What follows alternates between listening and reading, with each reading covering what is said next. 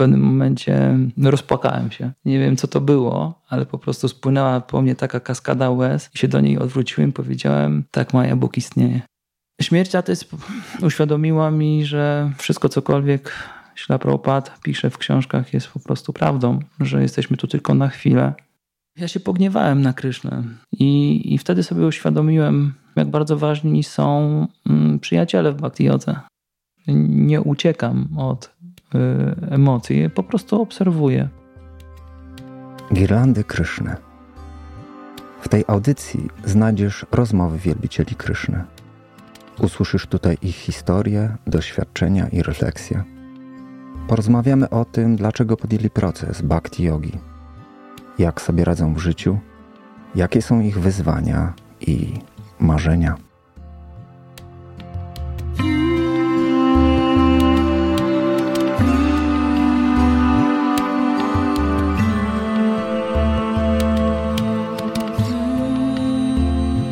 Witamy serdecznie w kolejnym odcinku podcastu Girlandy Kryszny. Ja nazywam się Madhava Bhagavan Das, a gościem dzisiejszego spotkania jest osoba bardzo bliska mojemu sercu. Dusza artystyczna, plastyk, człowiek niezwykle wrażliwy, wielbiciel, którego przemyślenia są dla mnie często źródłem ogromnej inspiracji, uczeń Kryszna Kshetry Swamiego, Rameshwar Prabhu. Hare Krishna. Hare Krishna. W 1978 roku w Legnicy 28 stycznia na świat przychodzi małe dziecko, mały chłopczyk, Rafałek, który w pewnym momencie w życiu zostaje Rameshwarem. Czego chciałbyś życzyć temu małemu chłopczykowi na początku jego drogi, znając już trochę jego przyszłość? Na co powinien zwrócić szczególną uwagę? A czym nie powinien się w ogóle przejmować? No właśnie, fajne pytanie.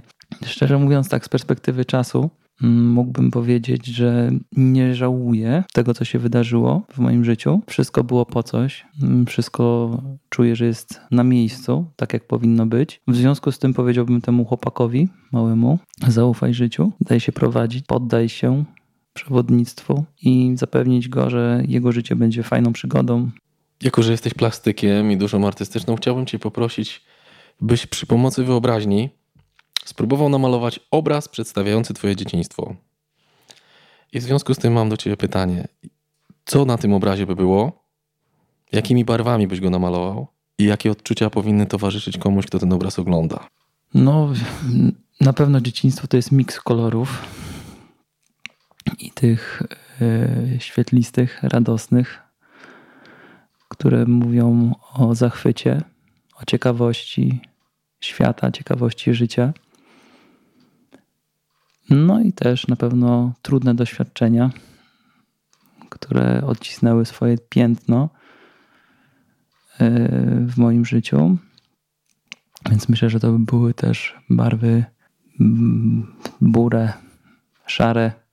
Moje dzieciństwo związane było z przyrodą, jako że mój tato bardzo lubił przyrodę, przebywać w otoczeniu przyrody. Często wyjeżdżaliśmy mm, na biwaki nad jezioro i tam miałem bardzo dużo doświadczeń takich związanych właśnie z wodą, słońcem, z ziemią. I myślę, że tutaj też pojawiłoby się dużo koloru zielonego, błękitu, dużo właśnie jakichś takich ziemistych, piaszczystych barw. A swoje dzieciństwo uważasz za szczęśliwe? I tak, i nie. tak jak mówiłem, to był miks różnych barw, miks różnych doświadczeń.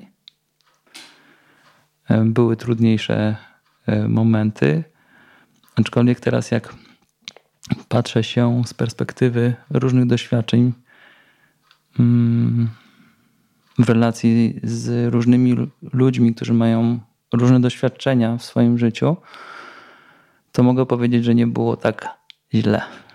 nie było tak e, dramatycznie.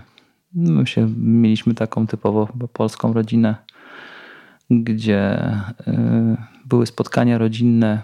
Chyba wcześniej mm, trochę to życie inaczej wyglądało.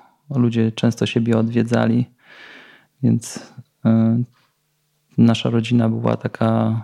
Mm, można powiedzieć, zżyta na swój sposób. I często też oprócz różnych urodzin, imienin, spotkań towarzyskich spędzaliśmy wspólnie wakacje, wyjeżdżając właśnie te wspomniane wcześniej biwaki. E, tworzyliśmy wtedy coś na, na zasadzie obozu e, nomadów, tak, gdzie mieliśmy porozstawiane w kręgu e, namioty i centrum tego kręgu stanowiło ognisko.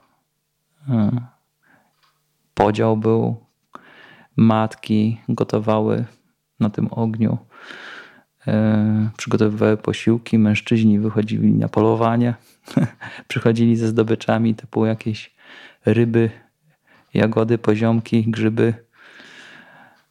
I jako, jako dziecko mm, wówczas miałem jakby taką rekompensatę trudniejszych momentów życiowych właśnie w tej przyrodzie, w tym otoczeniu, w tych, tych, tych właśnie w takiej społeczności rodzinnej. Myślę, że jak w każdej e, rodzinie Mm, takiej, nie chciałbym tutaj uogólniać, ale typowo polskiej można było zaryzykować takie stwierdzenie, dużo było mm, alkoholu, więc ten alkohol jak taki mm, nieproszony gość albo no taki zły gość można powiedzieć, mieszał, mieszał w głowach e, rodziców, e, krewnych i on sprawiał, że te lepsze momenty stawały się ciemniejsze. Tak? Z tego wynikały też jakieś różne zranienia, różne trudności, które później czkawką się odbijały w życiu dorosłym. A czy to, co mm, opowiedziałeś, czy tam był jakiś element duchowy? w Twoim dzieciństwie? Czy pamiętasz jakieś takie duchowe momenty swojego dzieciństwa? No właśnie, ja, ja tą swoją duchowość y, odkryłem w przyrodzie. Byłem dzieckiem, które y, bardzo mocno zwalniało w momencie, w którym y, doświadczałem jakiegoś, nie wiem jak ci to powiedzieć, takiego fleszu związanego z przyrodą, jakieś falowanie wody, y, jakiś. No właśnie, w relacji z kuzynami byłem tą osobą, która zawsze hamowała przygodę. Tak? Oni pędzili do przodu, chcieli e, iść, już wyrywali się, idziemy dalej, tak, zdobywać, a ja byłem tą osobą, która zawieszała się w jakimś miejscu i potrafiłem siedzieć i kontemplować jakieś zjawisko przyrodnicze to doprowadzało wręcz do, do furii co niektórych, gdzie była, którzy chcieli właśnie już iść do przodu. Z czasem zauważyłem, że mm, moje obecne doświadczenia duchowe wiążą się z tym, czego doświadczałem wtedy w przyrodzie, tego spokoju. Ja w jakiś sposób chyba czułem, czuję teraz z perspektywy czasu, że doświadczałem tam Boga, że w taki sposób Kryszna do mnie przemawiał swoją, swoim pięknem w przyrodzie. To myślę, że to główne doświadczenie duchowe, mm, ponieważ mm, zupełnie nie czułem mm, takiej rytualistycznej drogi, czyli ścieżki, w jakiej zostałem wychowany. Zupełnie nie, nie rozumiałem, dlaczego trzeba chodzić do kościoła powtarzać czynności, które były dziwne, klęczeć, wstawać, klęczeć, wstawać, żegnać się. Zwykle te doświadczenia kojarzyły mi się z jakimś nudą, ziewaniem i swędzeniem nóg, bo to pamiętam w tamtych czasach rodzice, zwłaszcza zimą, ubierali nam jakieś rajtuski, tak, tak, wiem. Odjazd. Co się dziecko tak łapało i się go tak, jak worek z ziemniakami, się go tak napełniało się te rajtuski tym dzieckiem, nie? Tak trzymając, wiem, wiem, znam to, pamiętam. Tak. Popachy, popachy. I, I to stanie właśnie z, z tymi swędzącymi nogami doprowadzało mnie do, do, do show. Także w wieku chyba 14 lat dostałem taką dyspensę od rodziców. Powiedzieli mi w końcu: OK, Rafał, od teraz nie musisz chodzić do kościoła. Jeżeli poczujesz, że chcesz, to pójdziesz, a jeżeli, jeżeli nie, to nie będziemy ci głowy suszyć. Czy uważasz, że wywodzisz się z rodziny, którą można nazwać religijną? Myślę, że mm, religijność czy duchowość ma wiele poziomów. Trudno mi mówić i za tatę i mamę, e, czego doświadczali, czy mm, w trakcie mszy świętej. Tata był mm, osobą bardzo wrażliwą i podobnie jak ja, on potrafił godzinami przebywać w przyrodzie i chyba to od niego też wziąłem y, tą zdolność do zatrzymywania się w danym miejscu i mm, widziałem, że on w tamtych, w tamtych okolicznościach tak, stawał się jeszcze bardziej wyciszony, jeszcze bardziej wyłączony, tak jakby wchodził w kontakt ze swoją siłą wyższą, siłą, która istniała gdzieś właśnie w przyrodzie. Mama natomiast teraz właśnie tak mi się to przypomina, że, że to była ro, rodzina taka, że to jest rodzina w sumie.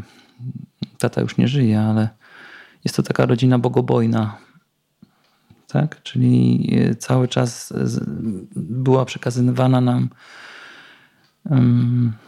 taka wiedza w formie kodeksu moralnego, że e, co zasiejesz, tak, to zbierzesz. I myślę, że, że to w jakiś sposób yy, zbudowało we mnie jakiś fundament, czy jakieś takie podwaliny do tego, co, co teraz robię.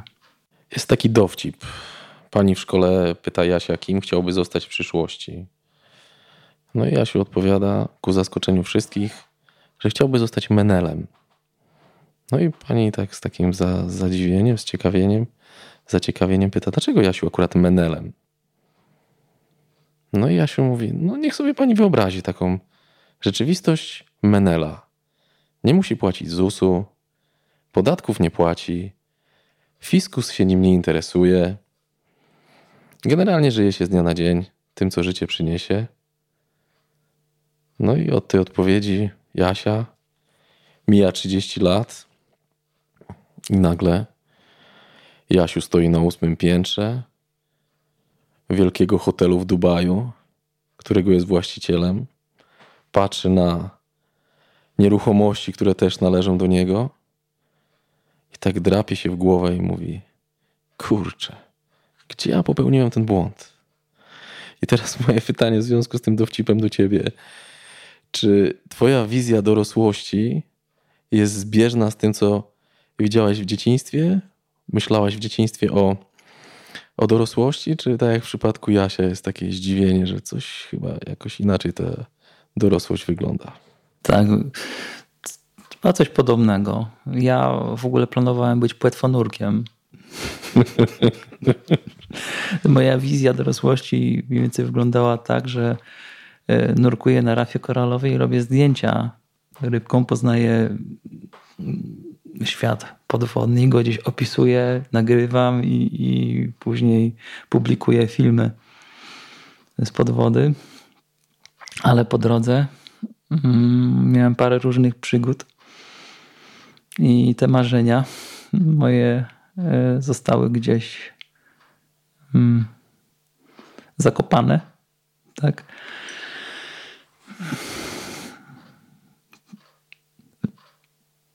Myślę, że po części też są zbieżne. Od dziecka malowałem, od dziecka rysowałem, lepiłem, cały czas coś przetwarzałem w dłoniach. I pamiętam, dzieci w szkole e, prosiły, żebym robił jakieś obrazki im. Wówczas jeszcze nie planowałem, że będę kiedyś nauczycielem sztuki ale gdzieś w okolicach szkoły podstawowej stwierdziłem, że to chyba będzie ten kierunek, może nie jako nauczyciel, ale wykształcić się na tyle dobrze w rysowaniu, żeby móc to, co czuję, to, co mam w głowie, przełożyć później na, na kartkę. Jeszcze wtedy nie myślałem o rzeźbie. No ale tak się stało, że w klasie ósmej, pod koniec klasy ósmej, mm, to już było po Radzie Pedagogicznej końcowej, gdzie zostały zatwierdzone wszystkie oceny. Miałem już wtedy takie. Mm, miałem potrzebę wyrażania siebie poprzez muzykę, poprzez ubiór, więc zaczął się taki czas punkowy. I w klasie, w której byłem, akurat też były osoby, które nie, nie sympatyzowały za bardzo z pankami. Bardziej właśnie z tą drugą opcją, biała rasa.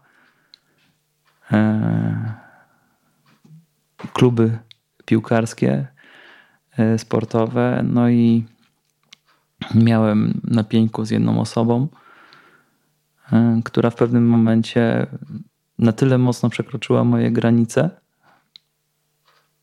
że, że go pobiłem. Przyjechało pogotowie, e, przyjechała, zabrali go do szpitala.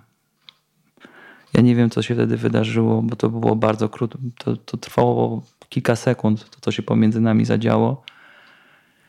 I wtedy Rafał w trybie nadzwyczajnym zwołano radę pedagogiczną, jeszcze jedną dodatkową, gdzie wszyscy nauczyciele byli wściekli.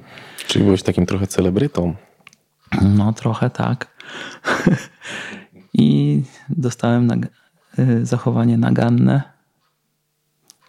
które przekreśliło mi możliwość pójścia do liceum plastycznego.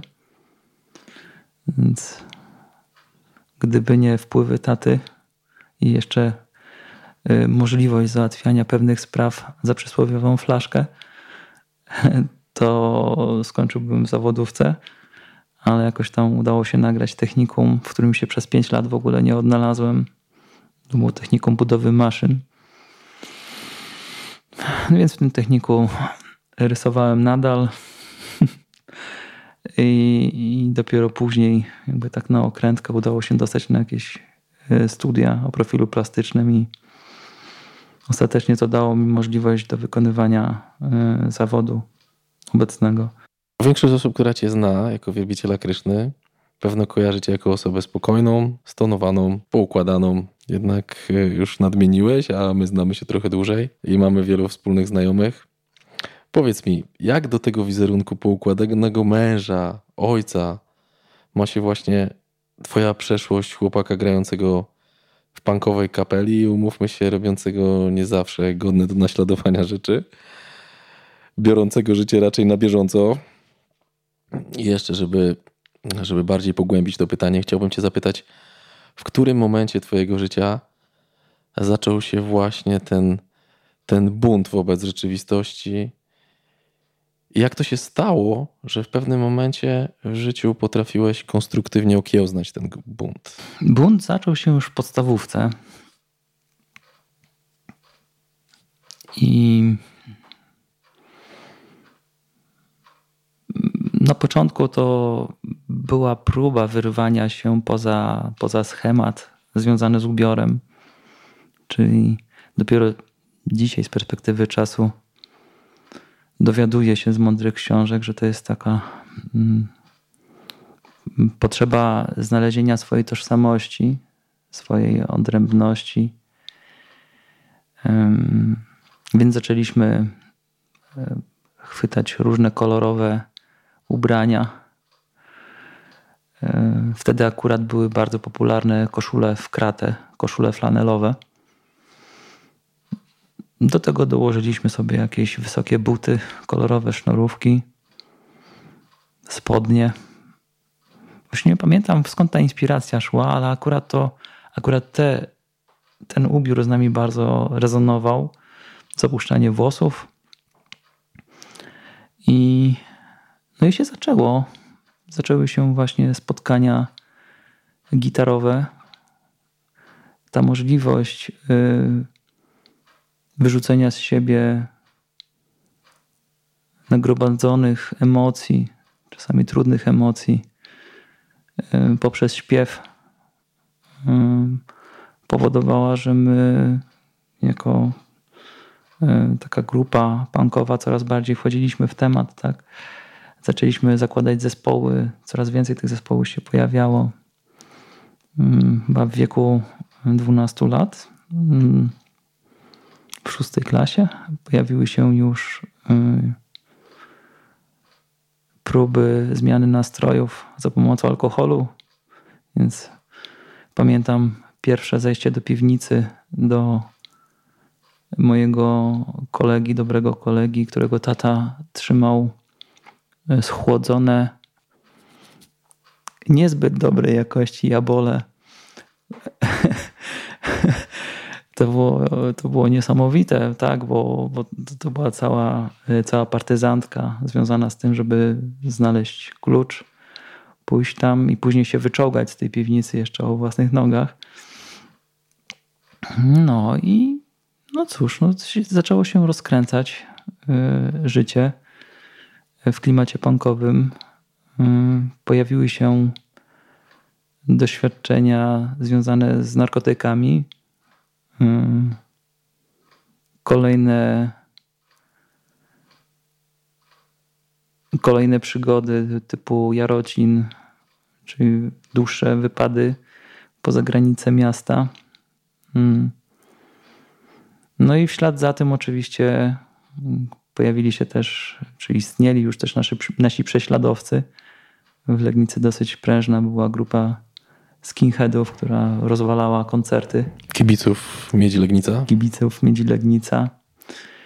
Więc żeby y, przeciwstawić się y, terrorowi, jaki, jaki nam za każdym razem, gdy był koncert organizowany, to przed koncertem stała grupa kiboli lub skinheadów, którzy robili z nami porządki. Niektórzy wdzierali się na koncert i rozwalali całą imprezę. I stwierdziliśmy wtedy, że tak nie może być. Że my też możemy być tą siłą, która się im przeciwstawi, więc założyliśmy wtedy tak zwaną koalicję czy porozumienie regionalne e, Lubin, Legnica, Głogów, Jawor i zrobiliśmy własne bojówki punkowe. Byliśmy uzbrojeni. Mieliśmy niektórzy mieliśmy nogi od stołu w rękawach. E, pamiętam chłopaka, który miał taką mini siekierkę. Też e, były dziwne czasy. No i zaczęliśmy polować na skinheadów w Legnicy tymi bojówkami. E, chyba doprowadziliśmy w pewnym momencie do, do takiej sytuacji, że to oni bali się wyjść na ulicę. A my z kolei, jakby pobudowani licznymi sukcesami w obijaniu twarzy, mm, przyjechaliśmy do Jawora mm, robić porządki w Jaworze, ale nie spodziewaliśmy się, że tutaj ekipa jaworska jest tak zgrana i ma takie kontakty w różnych kręgach, włącznie z chłopakami, którzy chodzą na dyskoteki i mają broń palną. To było, to, to wtedy pamiętam jedną taką przygodę, gdzie przeciągnęli nas wzdłuż i wszerz po całym Jaworze, włącznie z polami i jakimiś kurnikami y, na obrzeżach Jawora. Tak, pamiętam tą historię, co się dzieje w kurniku w Paszowicach, tak? Chyba tak. tak, wiem, tak pamiętam. No to był, to był to trudny ten czas też u nas. Ale tak naprawdę no, w pewnym momencie to wszystko się jakoś nagle skończyło. W sensie, że wygasło. Tak samo jak mocno się pojawiło z mocnym impetem, to ja to widzę z perspektywy, no bo jesteśmy rówieśnikami, z podobnych kręgów pochodzimy. Ja pamiętam, że właśnie to u nas tak jakoś naturalnie wygasło. Eee, też, tak jak wspomniałeś, narkotyki miały duży wpływ na to. E, w tym sensie, że dużo chłopaków z tej drugiej strony zaczęło brać narkotyki i zamiast wojownikami zostali narkomanami i rzeczywistość to tak troszkę poukładała. Ale moje pytanie do ciebie jest, y, tak kontynuując ten wątek, w którym momencie w życiu ty zobaczyłeś, że to, że to nie jest wszystko we wszystkim, że, że jednak jest coś, coś ponad tym. Mhm. W pewnym momencie trafiliśmy na LSD. Pamiętam pierwsze doświadczenie e, z kwasami i to, co przeżyłem wtedy, mm, spowodowało, że zacząłem szukać. Ja wtedy zauważyłem, że no właśnie takie tego typu prawdy, jak czytamy w książkach Prabhupada, że, że nie jestem tym ciałem, że jestem czymś więcej niż to ciało, że jestem w jakiś sposób połączony z innymi żywymi istotami. To było, pamiętam, takie wy, wybicie z tego yy, dobrze usłanego, takiego miękkiego gniazdka punkowego. Myśmy tam jakąś swoją karierę robili, tego jak robiliśmy, tak? Mieliśmy już jakieś płyty nagrane, e, jeździliśmy na koncerty, mieliśmy swoich odbiorców. Całkiem fajnie to wszystko się kręciło. A powiedz, y, przypomnij naszym, może przedstaw naszym słuchaczom, jak twoja kapela się nazywa, bo tutaj w tych kręgach już taka ona była troszkę popularna nawet, nie? To, to było kilka kapel i ja tam, znaczy w żadnej z nich nie byłem liderem. Mm, grałem głównie na gitarze elektrycznej i udzielałem się z wokalem. Jedna kapela to Ofiary Agrawki. Tak, o to właśnie mi chodziło. Ona chyba najbardziej popularna była tutaj w terenie, nie? Tak. E, która teraz obecnie istnieje pod... Mm, lider jej założył e, kapelę Wara, tak? Pozdrawiamy Robka. Pozdrawiamy. E, druga kapela to był Nan Elmot, mm, Elfilas. Wtedy byliśmy pod wpływem Tolkiena i, i, i pamiętam, my jako punkowie, mm, punkowa brać, czuliśmy się jak takie trochę elfy kolorowe. Mm, trzecia kapela to był Status Liberatis, to był taki crust punk szczekająco. Tak, też miałem przyjemność. Bulgoczący. Przyjemność wysłuchać waszego koncertu, chyba w Szczegomiu. Pamiętam, że tam graliście, tak. Bo ja tam, tam... Tak. No i pod wpływem już wcześniejszej doświadczenia, tak e, kontynuując, w pewnym momencie stwierdziłem, że miałem wtedy 17 lat, że nie mogę jeść mięsa. Że coś, co wcześniej żyło, nie, nie, nie mogę zabierać tej istocie życia. Tym bardziej, że jak miałem takie doświadczenie mm, zabijania zwierząt, bo to, co upolowaliśmy z tatą, to trzeba było przygotować na talerz. Więc któregoś razu y, preparując karpia, tak, bo to na święta trzeba było kupić tego karpia, on sobie tam w wannie pływał i później trzeba było go wyciągnąć i uśmiercić. Pamiętam moment, w którym to było takie straszne doświadczenie, uderzając młotkiem gdzieś tam w głowę ten młotek ugrząsł w czasce tak, że nie mogłem go wyciągnąć. I pamiętam, rzuciłem tym wszystkim w nerwach i się rozpłakałem. Taki no już dojrzewający chłopak, nagle łzy, a to ze mnie tak spłynęło. Powiedziałem, że nigdy w życiu nie będę zadawał bólu już żadnej żywej istocie. I stwierdziłem wtedy, że koniec z mięsem. 17 lat miałem to był szok dla rodziców, bo nasza kuchnia, czy kuchnia e, naszej rodziny opierała się głównie na mięsie. E, I to jeszcze własnoręcznie przygotowywanym, to to niejednokrotnie mieliśmy e, ciała świń na stole kuchennym, kaczki zabijane w kuchni z upuszczaną krwią włącznie. To po prostu teraz tak na to się patrzę, to, to było no to było niezłe. No i, i co? No to przestałem jeść mięso mm. I zacząłem szukać. Y, pojawiły się grzyby halucynogenne i grzyby to było jakby, czułem, że to jest jakby jeszcze krok dalej. LSD było syntetyczne, a, a grzyby miały jakąś taką wartość, nie wiem, jakąś taką dla mnie duchową, bo było zebrane z łąki przez nas.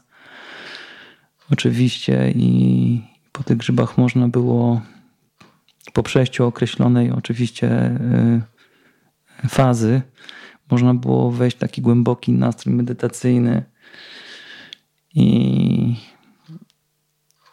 przestałem, ja przestałem, przestałem jeść grzyby w sposób rekreacyjny, a zacząłem y, jeść je z nastawieniem na podróż, na to, żeby mm, spotkać się z przewodnikami.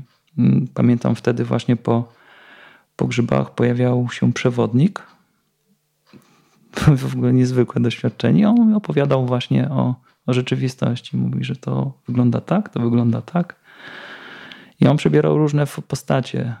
Czasami właśnie przychodził pod postacią wilka, czasami pod postacią niedźwiedzia, ale normalnie się ze mną komunikował.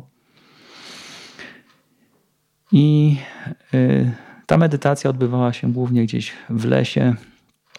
Mm.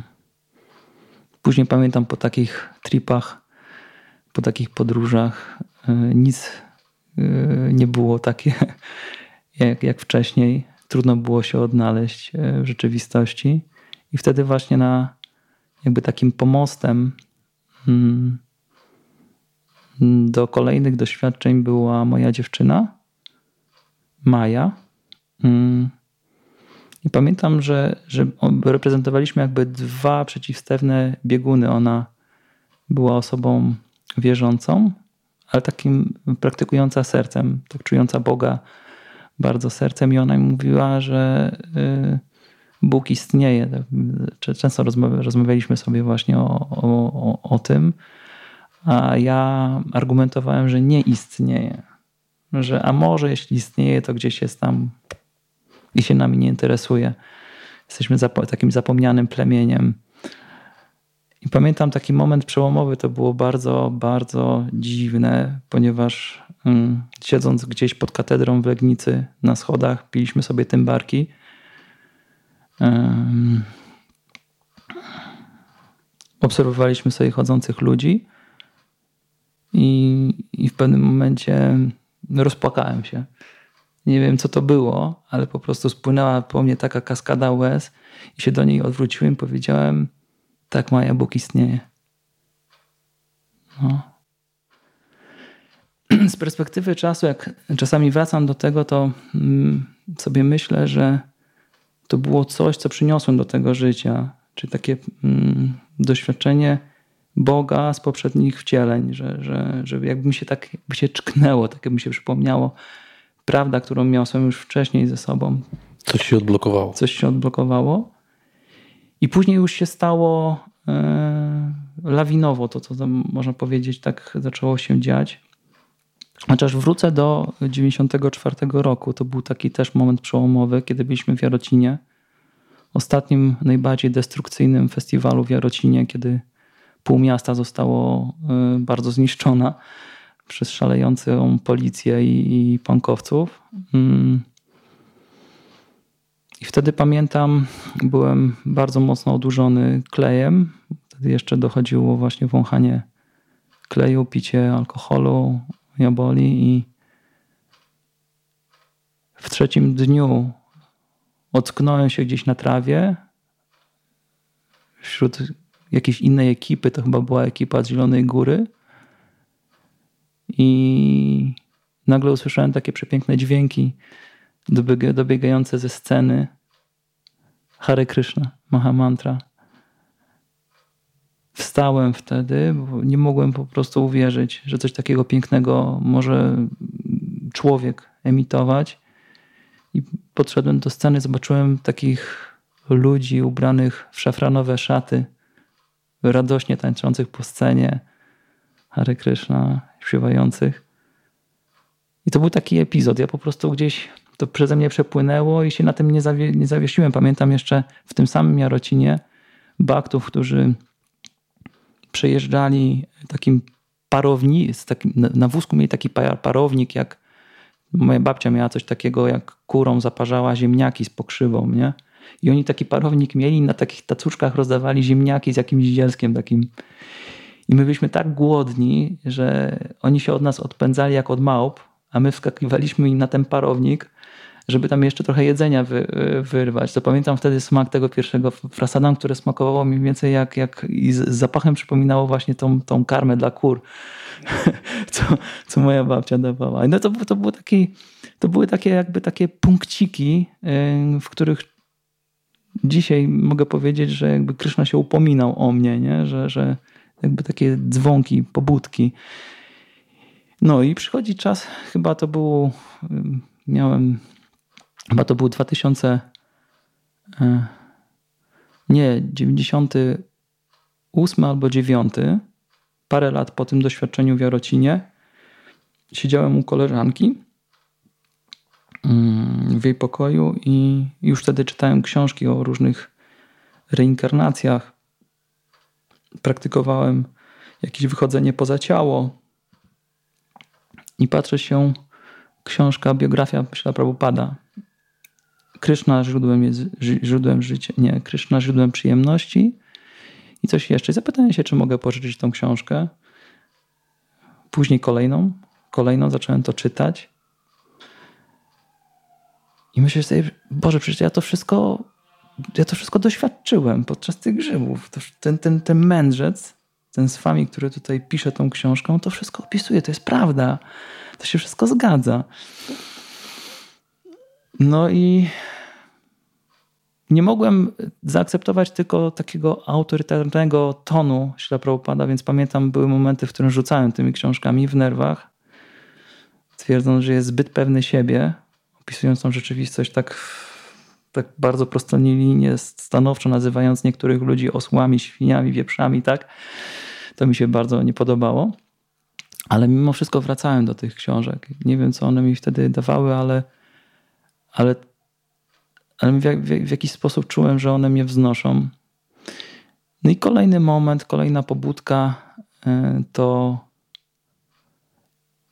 we wspomnianym miejscu wcześniej, na tych, na tych samych schodach pod katedrą, patrzymy, idzie sobie wesoły ludzik z parikramką z jakąś torbą z książeczkami, przysiada się do nas. To był Shriram. Tak. I mówi: e, Cześć, mam książki. A ja mówię: A tą czytałem, tą czytałem, tą czytałem. I zaczęliśmy rozmawiać. Zabraliśmy mu prawie trzy godziny wtedy, bo była tak żywa dyskusja na temat e, życia duchowego. I on nas zaprosił da, na farmę do Czarnowa, żebyśmy przyjechali. Mówi, zobaczycie, jak tańczymy. Wtedy miałem takie wyobrażenie, e, jeszcze właśnie to z, z, z poziomu takiego myślenia punkowego, że pewnie jakoś mają dyskotekę, że jakieś tam jakieś stroboskopy, jakieś takie światełka, a ja przecież disco nie tańczę i jak ja się tam przy tym disco odnajdę, tak to widziałem ale ostatecznie wzięliśmy namiot, odważyliśmy się pojechać do Czarnowa e, i tam już zostałem znokautowany jedzeniem, bo mój wegetarianizm polegał na tym, że jadłem głównie ziemniaki i chleb z żółtym serem. Bez pomidora? Bez pomidora. Bo ja to z pomidorem na początku. no, takie są te początki. A tam było tam były czapaty, tam była halawa, tam, były, tam było sabji, po prostu no, takie bogactwo smaków i taka niesamowita życzliwość baktów. Nawet co do tego, że stawaliśmy o godzinie 11, już, oni już krążyli wokół naszego namiotu, intonowali Hare Krishna, i, ale byli uprzejmi, nie, nie zmuszali nas do wychodzenia wcześniej niż chcieliśmy, także Mm, później nieumyci. Nie znaliśmy tych standardów baktów, więc wiecie, wiesz, tylko poprawić sobie tutaj włosy trochę, tutaj nawet w tych ubraniach, co się spało, trochę gdzieś tam się ogarnąć i do świątyni. No i to, to trwało chyba z tydzień. Chodziliśmy na wykłady, wtedy Ragunat Prabu dawał wykłady, kłóciłem się z nim ostro. No i wtedy sobie pomyślałem, dobra, zrobię ostatni test. Zjem grzyby przed panciatatwą i zobaczę, jak wyglądają panowie i przywiozłem ze sobą e, paczuszkę i stwierdziłem, że to tutaj nie przejdzie, że jeżeli ja to zrobię, to, to nie wyjdę całą, psychicznie w ogóle z całej tej wyprawy. I wyrzuciłem je do strumyka, tam gdzie Bagirata, Bagirati Ganga jest. Powiedziałem sobie, że to będzie koniec. mimo wszystko stwierdziłem, że chcę się pożegnać z tymi przewodnikami duchowymi, więc jak wróciłem do Legnicy, to pomyślałem sobie tak, zjem ostatni raz grzyby halucynogenne i powiem przewodnikowi, że ja już wybrałem inną ścieżkę duchową. To było niezwykłe doświadczenie, ponieważ wtedy wziąłem e, ze sobą japas, jogurt na odtrucie po grzybach, czyste ubrania, żeby się wykąpać tak jak baktowie i zjadłem porcję. Oczywiście przeciągnęło mnie przez te wszystkie fazy. Musiałem się oddalić od grupy, z, którym, z którą akurat tam miałem tą sesję. I poszedłem na takie ściernisko, położyłem się w takiej pozycji embrionalnej w kłębku i przyszedł ten przewodnik. Ja mu powiedziałem, słuchaj, ostatni raz kiedy do ciebie przychodzę, bo ja już wybrałem inną drogę, a on mi powiedział tak, wiem i zapamiętaj to, to co ci teraz powiem. Cokolwiek w twoim życiu będzie się działo, jakiekolwiek będziesz miał doświadczenia, zawsze intonuj tę mantrę, którą dostałeś. I, I to zostało ze mną do tej pory, że jak były jakieś trudne sytuacje, jakieś zakręty życiowe, to ten głos mi się przypomina, żeby nie rezygnować, żeby intonować, żeby być blisko źródła. I tak już zostałem. Aha, i co się stało?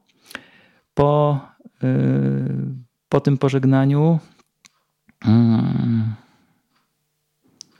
pamiętam taki moment, w którym właśnie mm, mojemu serdecznemu, przyjacielowi dałem mm, podczas właśnie, kiedy on był też na grzybach, Dałem mu korale do, do czoła, korale medytacyjne, tak mu przyłożyłem. I on się wywrócił. Po prostu padł jak deska na plecy i wydawał z siebie jeszcze takie dziwne odgłosy. Pyta się, co to jest? Co to jest? Co ty mi, co ty mi zrobiłeś? Ja pytam się, a co się stało? On mówi, miałem taką wizję, taką widziałem takie miasto, takie, takie dziwne kopuły, takie. I po latach się okazało, na jakiejś okładce płytę zobaczył Kusum Sarawara. On mówi, to to, to. Ja to, ja to wtedy widziałem, nie? I dzisiaj, dzisiaj ten y, kolega też y, jest wielbicielem Kryszny i jakoś tak razem zostaliśmy w mistyczny sposób przyciągnięci do świadomości Kryszny. Pamiętam później Sprzedałem gitarę, to był szok też dla, dla kolegów. Przecież fajnie szło, a powiedziałem, że, że koniec, że wybieram inną ścieżkę. Przeprowadziłem się do Czarnowa, do Kula Siekara na rok czasu na taką służbę, na takie przeszkolenie. I tak już jestem do tej pory. A jak wspominasz tam ten okres? Właśnie ten okres przeprowadzenia się takiego całkowitego, całkowitej zmiany swojego życia. No bo pewnie rodzice też jakoś zareagowali na to, że ty nagle wyjeżdżasz z domu i, i zaczynasz zupełnie inny styl życia? Czy oni to potraktowali jak twoją fanaberię kolejną, czy, czy, czy potraktowali to jako poważnie, bardziej jako coś co, coś, co ci pomoże w życiu w końcu się odnaleźć? Moja mama była ciekawa i do tej pory jest osobą, która bardzo lubi baktów. Na początku z lekką taką rezerwą obserwowała, co się dzieje. Natomiast y, tata do końca swojego życia, tak, tak czuję, bo tak to wyrażał też słowami, nie mógł się pogodzić z tym, że mm, zmieniłem ścieżkę religijną, że wyszedłem poza tradycję, chociażby nawet fakt niejedzenia mięsa był takim dużym ciosem. Bo jest to pewien problem kulturowy, nie? Przynajmniej tutaj w tej tradycji, w której my jesteśmy, e, że ta tak zwana zmiana opcji religijnej powoduje pewien strach. W moim przypadku było podobnie, że, że pamiętam, że jak mama zobaczyła mnie e, z koralami medytacyjnymi w domu, jak siedziałem u siebie w pokoju, to się rozpłakała i powiedziała do mnie: Synu, co ty robisz ze swoim życiem? U mnie takimi były takie szoki, e, jak na przykład zacząłem biegać e, z kuchni do pokoju ze szklankami, w których e, do obrazków, dzwoniąc dzwoneczkiem, czy robiąc różne dziwne potrawy, zapraszając, robiąc spotkania w domu z baktami, paląc kadzidła intonując Mahamantrę, chodząc tym woreczkiem, no to, to ja rozumiem dzisiaj, że, że to mogło być dla nich, y, czy dla mojej taty bardzo trudnym doświadczeniem. No, najlepiej by było, gdybym szedł w ich ślady. Natomiast Kryszna mi pomógł jakoś wyrwać się. Ja pamiętam, wtedy byłem y, już jakby pół takim może jedną nogą poza, poza domem, bo dostałem się do studium grafiki reklamowej w Świdnicy i tam spotykałem Kula Siekara wtedy na, na ulicy. Ja wręcz na niego polowałem, bo on tam przyjeżdżał na Sankirtan i wiedziałem jakie ma e, ścieżki, jaką, jaką, którędy chodzi, więc e, stawałem mu na drodze. Harmonogram, te, harmonogram jego też znałeś? Kiedy będzie? Tak, aż tak mocno to nie, ale, ale pamiętam, że, że za, zawracałem mocno głowę, bo miałem bardzo, bardzo dużo pytań i on mi pięknie na te pytania odpowiadał. I mieszkałem wtedy w, Świdnicy, mm, tak w internacie, więc już byłem jakby trochę poza domem. No a w domu było coraz bardziej nieciekawie, bo tam mm, tata coraz więcej alkoholu pił i przeżywał jakiś swój zakręt życiowy, jakiś taką, taką trudność. Mm, no i pamiętam, że po prostu przy którymś razie, e, jak wróciłem do domu, i to był chyba taki impuls, który mi pomógł podjąć decyzję. Jakoś to się tak zbiegło że Kulasiekar poszukiwał takiej osoby, która mogłaby pomóc mu w y, agroturystyce, a ja z kolei potrzebowałem już jakiejś alternatywy, gdzieś jakiegoś bezpiecznego środowiska, gdzie mógłbym się rozwijać. I w domu była okropna awantura, um, zakończona um, bijatyką. No i wtedy jedyne co mogłem zrobić, to po prostu się spakować i wystrzelić z domu. I wystrzeliłem bezpośrednio właśnie do kuli, do, do kula siekara. Czyli można powiedzieć w pewien sposób, kula siekar e, stworzył ci taką kulę, nie? Że pokazał ci wszystko od początku, jak to powinno wyglądać. Tak. Kula siekar dał mi podstawy i kulturowe, i takie duchowe, i filozoficzne. Mieli przepięknie zorganizowany dom świadomy Kryszny przyjęli mnie jak swojego syna.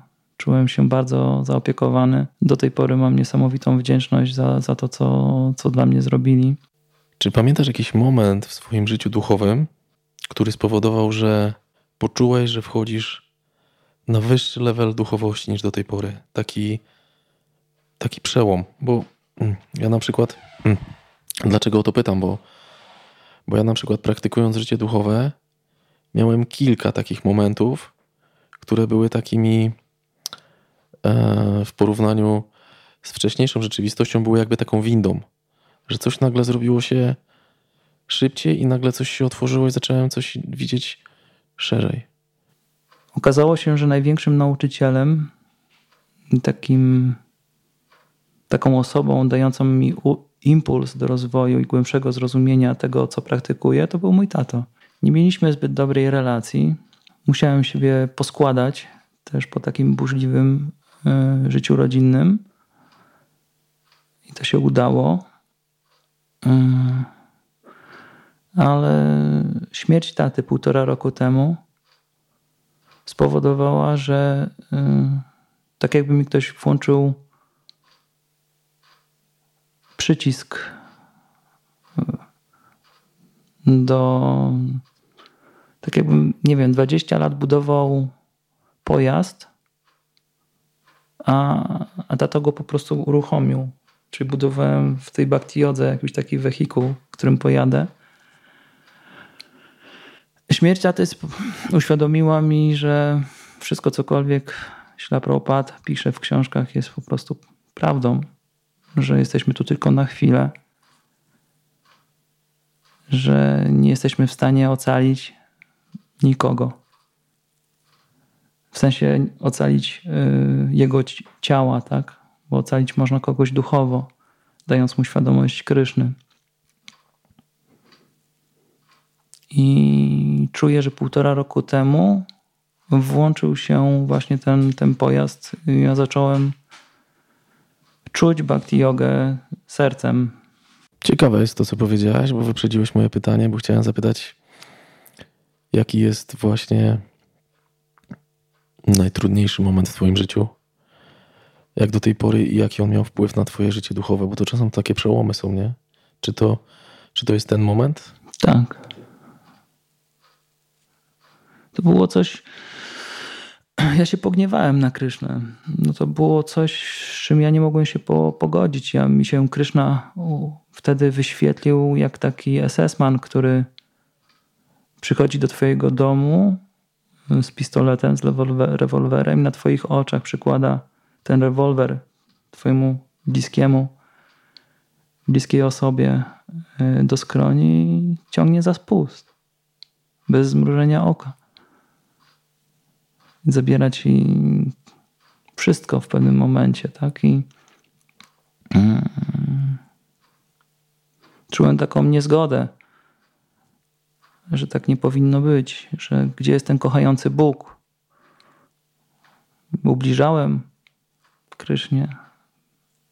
Zarzuciłem na jakiś czas swoją praktykę duchową w takim buncie. Czy ten moment tej twojej niezgody mógłbyś nazwać takim momentem utraty wiary? Czy to był spadek e, zaufania? Mm, na pewno dużo wątpliwości takich e, co do, co do dobrych intencji Kryszny względem mnie i względem wszystkich innych ludzi, utrata jakiegoś zaufania, poczucia bezpieczeństwa w bhakti jodze. I, I wtedy sobie uświadomiłem, w sumie jest chyba to jest półtora roku temu, ale czuję, że ta żałoba dalej trwa.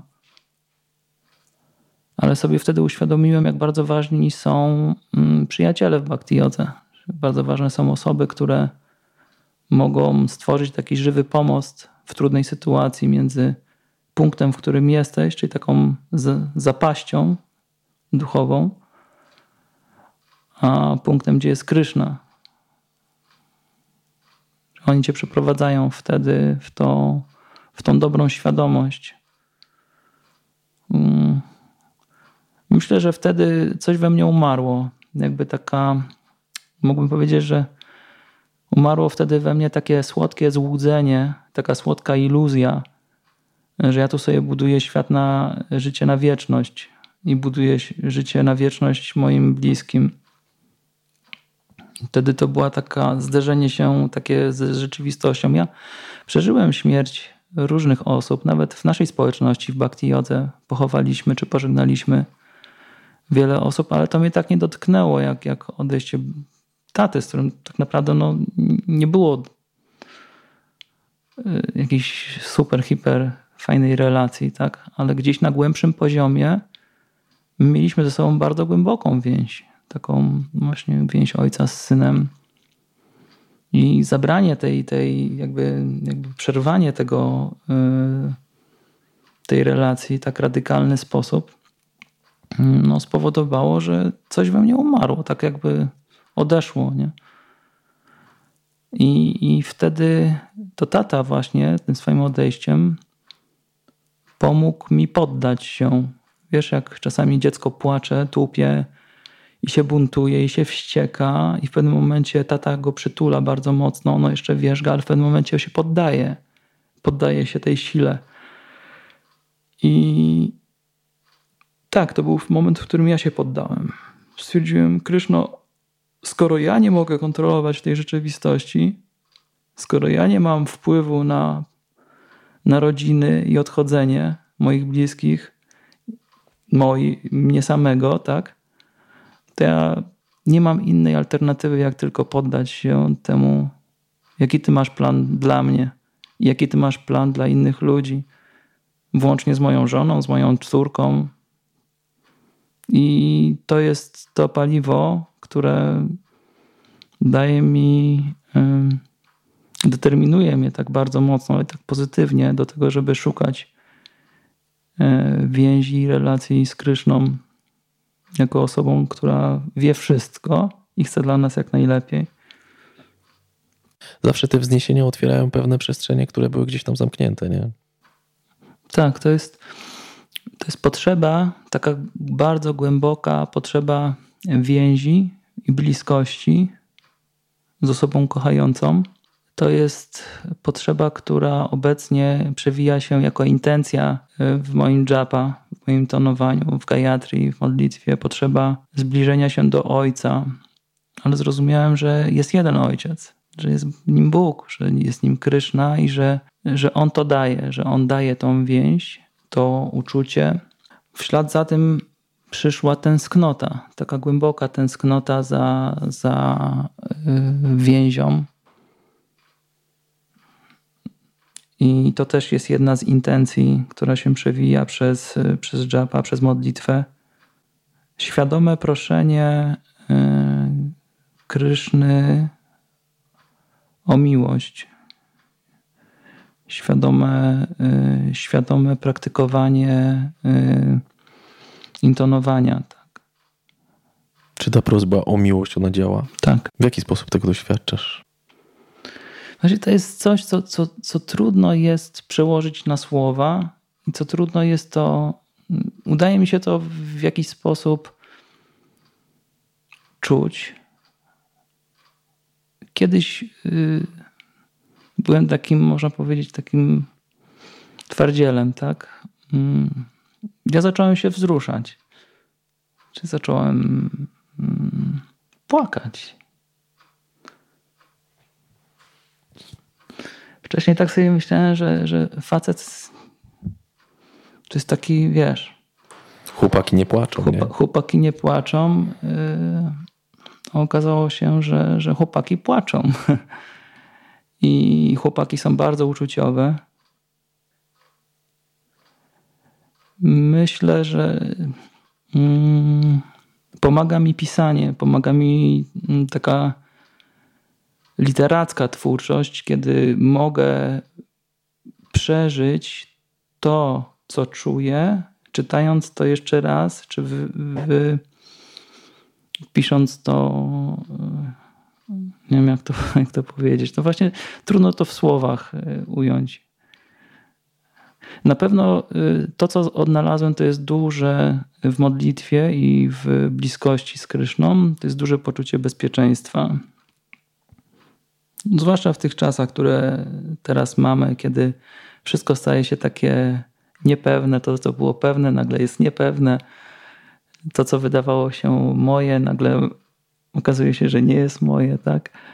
I okazuje się, że, że w, y, ta zmiana wpłynęła na, na to, że ja się czuję bardzo dobrze w relacji z Kryszną. To jest ta siła, która, z której czerpię. Teraz, i to jest ta siła, która motywuje mnie e, do tego, by szukać dalej, co dalej jest, I to jest też siła, to jest, wcześniej tego y, podziwiałem baktów y, Sankirtanu, tak to nazwę, osób, które działają bardzo misyjnie i są w stanie wychodzić do ludzi z książkami, wychodzić na harinamy, mm, taki niedościgniony do pewnego momentu y, ideał. A, ale widzę, że to jest potrzeba, w pewnym momencie to przychodzi jako coś na takiego naturalnego, że to jest potrzeba serca, żeby, żeby te osoby, tym osobom, które Kryszna stawia na drodze, żeby dać im Krysznę, żeby pokazać im, że życie może być inne, lepsze niż tylko życie w lęku i martwieniem się o to, co może zabraknąć lub to, co może, mogą stracić. Tak? Czyli taka y, siła do tego, myślę, pojawiła się, by, by dzielić się swoim doświadczeniem też z innymi osobami. Mówiłeś o tym momencie, w którym zakwestionowałeś decyzję Kryszny, że to cię mocno zabolało, że Kryszna po prostu przyszedł i zabrał ci najbliższą osobę. Pojawił się, pojawił się ten bunt, pojawiło się ten brak zgody W związku z tym mam do Ciebie pytanie, bo tego typu doświadczenia z pewnością ma wiele osób. E, co byś doradził takiej osobie? To, co pomogło Tobie, jakby puścić ten, tą, tą sytuację i, i z platformy osoby, która jest niepogodzona, nagle powiedziałeś, że czujesz opiekę. Co byś doradził takiej osobie, która jest właśnie na tym etapie, na którym byłeś ty i nie byłeś w stanie niczego zaakceptować? Nie byłeś za, w stanie zaakceptować tej sytuacji, mimo tego, że wiedziałeś, że wszystko, co do tej pory związane było z Kryszną, było dobre. A jednak jeden moment sprawił, że, że byłeś w stanie, większość osób, każdy ma taki moment w życiu, że jest w stanie zakwestionować całą rzeczywistość. Co byś doradził takiej osobie, która właśnie w takim momencie w życiu jest? Jak mógł, co, co mogłoby pomóc takiej osobie, jeśli chodzi o Twoją taką podpowiedź? Pozwolić sobie odczuć i przeżyć każdą emocję, która przychodzi w tym trudnym stanie. Nie obwiniać się za to, co przychodzi.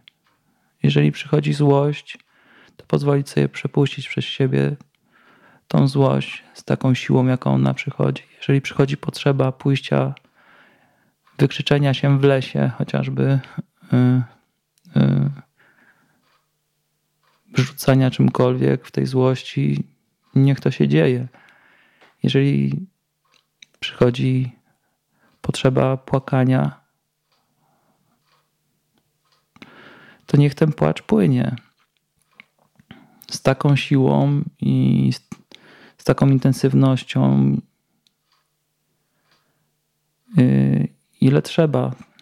Jeżeli przychodzi bunt i niezgoda, i nawet właśnie taki foch na Krysznę, obrażenie się na niego, to też nie obwiniać się za to, że, że to przychodzi. To jest naturalne.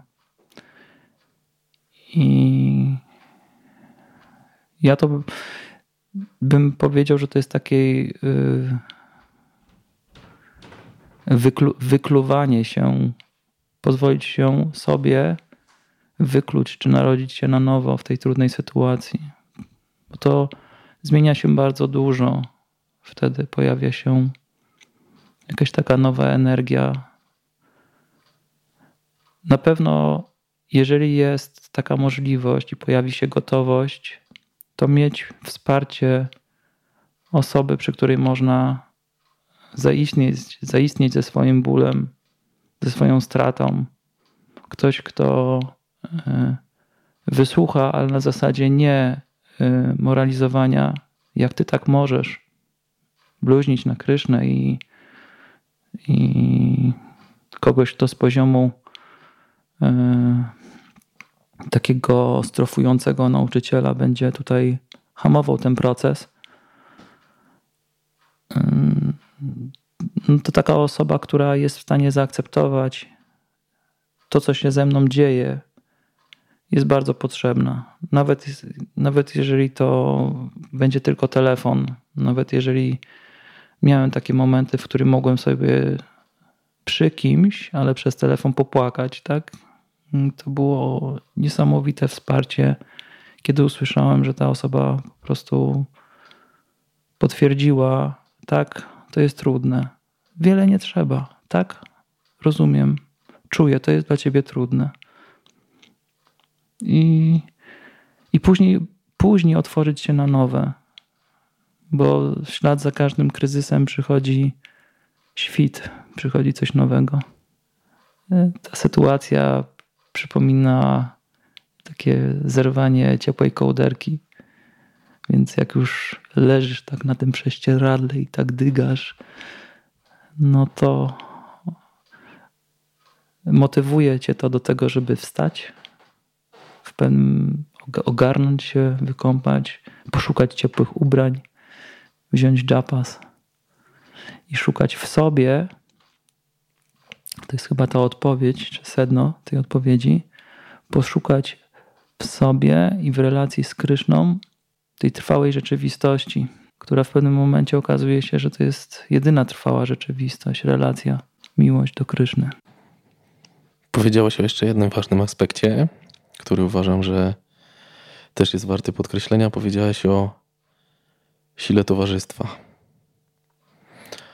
Że dobrze jest mieć blisko siebie kogoś, komu możesz opowiedzieć o tych swoich słabościach. Jeden, jedna z wymian między wielbicielami to jest odkrywanie umysłu w zaufaniu, budowanie relacji.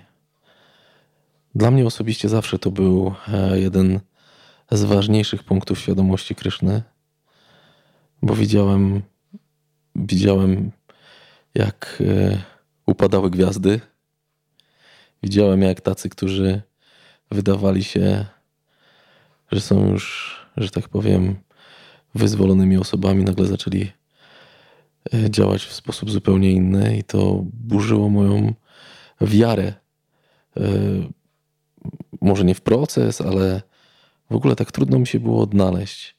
Ale w międzyczasie jakoś Kryszna jest taki łaskawy, że przynajmniej ja zawsze otaczałem się ludźmi takimi zdroworozsądkowymi. I to było dla mnie coś coś takiego, co zawsze dawało mi oddech. Czy masz podobne doświadczenie? Mhm. Tego się uczę od ciebie, Madawo. Ty, odkąd pamiętam i odkąd tutaj zaczęliśmy przyjeżdżać na spotkania z Mają wtedy, e, to, to była podstawowa siła, która nas przyciągała do, do baktów, tutaj do, do Jawora, to były te relacje, więzi to było zawsze jakoś tak rodzinnie. O. Z czasem to jest jedna z moich e, wad, e, które, z którymi pracuję sobie w tym życiu. To jest taki, taki silny egoizm i skoncentrowanie tylko i wyłącznie na swoich potrzebach. Często właśnie patrzyłem na ciebie jako na osobę, która ma tą zdolność wychodzenia poza poza siebie do drugiego człowieka, nie? I dzięki temu y, tą umiejętność budowania relacji. Na początku czułem jakąś taki, taki opór. Hmm. Boję się relacji, w sensie takich głębszych.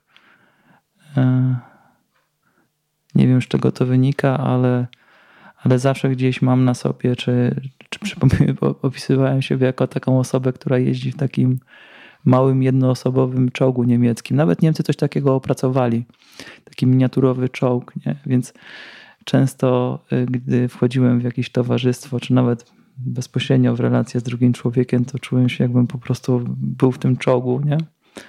I to powodowało, że y, nie czułem do końca takiego przepływu. Czasami po takim pozorowanym, ustawianym spotkaniu byłem bardziej zmęczony i niż, niż naładowany dobrą energią i dzięki takim przewodnikom właśnie jak ty, jak Trisama hmm, zauważyłem, że to po prostu i to właśnie w tej trudnej sytuacji się sprawdziło, że to jest to. Jest to. No, w moim przypadku to wynika bardziej z premedytacji. Mm. Z premedytacji, tak. W sensie takim, że mm, ja szukam towarzystwa baktów, bo jak każdy w tym świecie nie lubię cierpieć. A w towarzystwie baktów to jest taki, można powiedzieć, zdrowy narkotyk, że on daje pewien, pewną odskocznię od rzeczywistości, że zaczynasz widzieć rzeczywistość prawdziwą. W odróżnieniu od, yy, od substancji psychoaktywnych, to nie, to nie jest wytworzona rzeczywistość, tylko to jest rzeczywistość prawdziwa w towarzystwie baktów i to mnie zawsze ujmowało i to, to, to, to zawsze było dla mnie takim ważnym momentem e, w rozwoju, że, że, że relacja z drugą osobą zawsze budowała we mnie coś takiego, że ja zawsze wychodziłem e, z tego bardziej doświadczony. I, I to, co jest ciekawe, to widziałem oczami innych rzeczy, których przez swoje uwarunkowania nie byłem w stanie zobaczyć.